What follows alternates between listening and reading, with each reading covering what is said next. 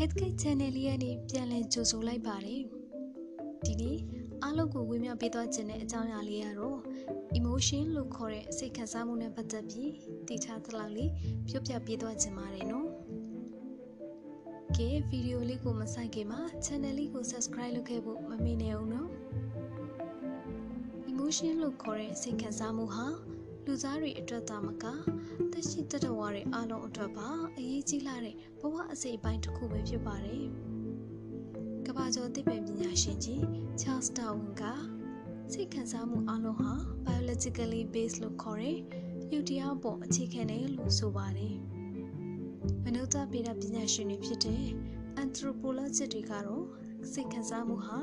culturally based ယဉ်ကျေးမှုပေါ်မှာများစွာအခြေခံတယ်လို့ယူဆပြန်တယ်။ emotion ဆိုတာကိုအနောက်တိုင်းလူတွေကရေဘူးရနားလည်ထားတဲ့သဘောကတော့ထင်ရှားအားကောင်းတဲ့စိတ်ခံစားမှုမျိုးလို့နားလည်ထားကြပါတယ်။အဲ့ဒီစိတ်ခံစားမှုဟာတွေးခေါ်မှု reasoning နဲ့အသိဉာဏ် knowledge တို့နဲ့ခွဲခြားပြီးသိနိုင်တဲ့ခံစားမှုမျိုးဖြစ်ပါတယ်။လူတိုင်းမှာရှိတဲ့စိတ်ခံစားမှု universal emotion 6မျိုးရှိတယ်လို့ Charles Darwin နဲ့အနောက်တိုင်းပညာရှင်တွေကယူဆထားကြပါတယ်။မျက်နှာပေါ်မှာထင်ရှားစွာမြင်ရတဲ့စိတ်ခံစားမှုတွေကိုရည်ညွှန်းပြီးပြောတာပါနော်။အဲ့ဒီ universal emotion 6မျိုးကဘာတွေလဲဆိုတော့နံပါတ်1ကြောက်ရွံ့ခြင်းနံပါတ်2အံ့ဩခြင်းနံပါတ်3ဝမ်းနည်းခြင်းနံပါ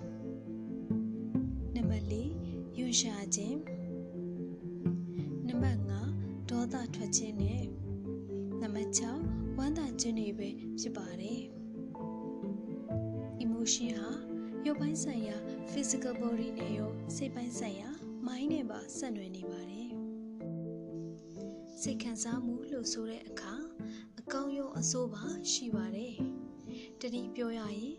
positive emotion နဲ့ negative emotion တွေပဲပေါ့ ဝမ်းသာတာယုံကြည်မှုရှိတာနဲ့လုံခြုံမှုရှိတယ်လို့ခံစားရတာတွေဟာ positive emotion တွေပါပဲအကြောက်တရားတွေဒေါသတွေမနာလိုဝင်တိုမှုတွေစိုးရင်ပူပန်တော့ကတွေနဲ့ထိမရလောက်အောင်ဖြစ်ပေါ်တဲ့လူချင်းတက်မှတ်မှုတွေကတော့ negative emotion တွေမှာပါပါတယ်နော်အဖြူနဲ့အမဲရောနှိုးနေတဲ့ခံစားမှု miss emotion ဆိုတာလေးရှိပါသေးတယ်နော်ဥ ပမာပြောရရင်ရီတခါငိုတလှဲ့နဲ့ရီလိုက်ငိုလိုက်ဖြစ်နေတဲ့ခံစားမှုမျိုးကိုပြောတာပါနော်တခါတလေရီစရာရှိလို့ရီလိုက်ပေမဲ့ဘလောက်မှမကြပါဘူးဝမ်းနဲ့စရာတွေးပြီးတော့ချက်ချင်းဆိုသလိုဝမ်းနဲ့စရာတွေဟာဝင်လာပါတော့တယ်အဲ့ဒါလိုဖြစ်ခြင်းဟာမိမိရဲ့စိတ်ခံစားမှုတွေသိမတည်ငြိမ်တဲ့အခြေအနေမျိုးဖြစ်လို့ပါ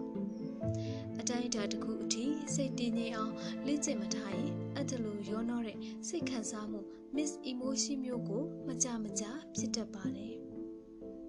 အဲ့ဒီလိုလူတွေအများစုဟာကြကြနနမပျော်ရွှင်နိုင်တယ်လို့သူများကိုအပြစ်တင်လိုက်မိမိကိုယ်ကိုအပြစ်တင်လိုက်နဲ့ဖြစ်နေတတ်ပါတယ်ကဲဒီနေ့တော့ဗီဒီယိုလေးကိုဒီမှာပဲအဆုံးသတ်ခွင့်ပြုပါနော် မိတ်ဆွေတို့ရောဒီနေ့ပြောပြပေးသွားတဲ့ emotion သုံးခုတွေကဘယ် emotion မျိုးကိုခံစားနေရလဲဆိုတဲ့ဟာကိုလည်း comment လေးမှာပြောပြပေးသွားခဲ့ပါအောင်နော်နောက်ပတ်နောက်ပတ်တွေမှာလည်းစိတ်ဝင်စားစရာကောင်းတဲ့အကြောင်းအရာလေးတွေကိုတင်ပြပေးသွားအောင်မလဲဆိုတာကိုအားလုံးပဲစောင့်မျှော်ကြည့်ရှုပေးကြပါအောင်နော်အားလုံးကိုကျေးဇူးတင်ပါတယ်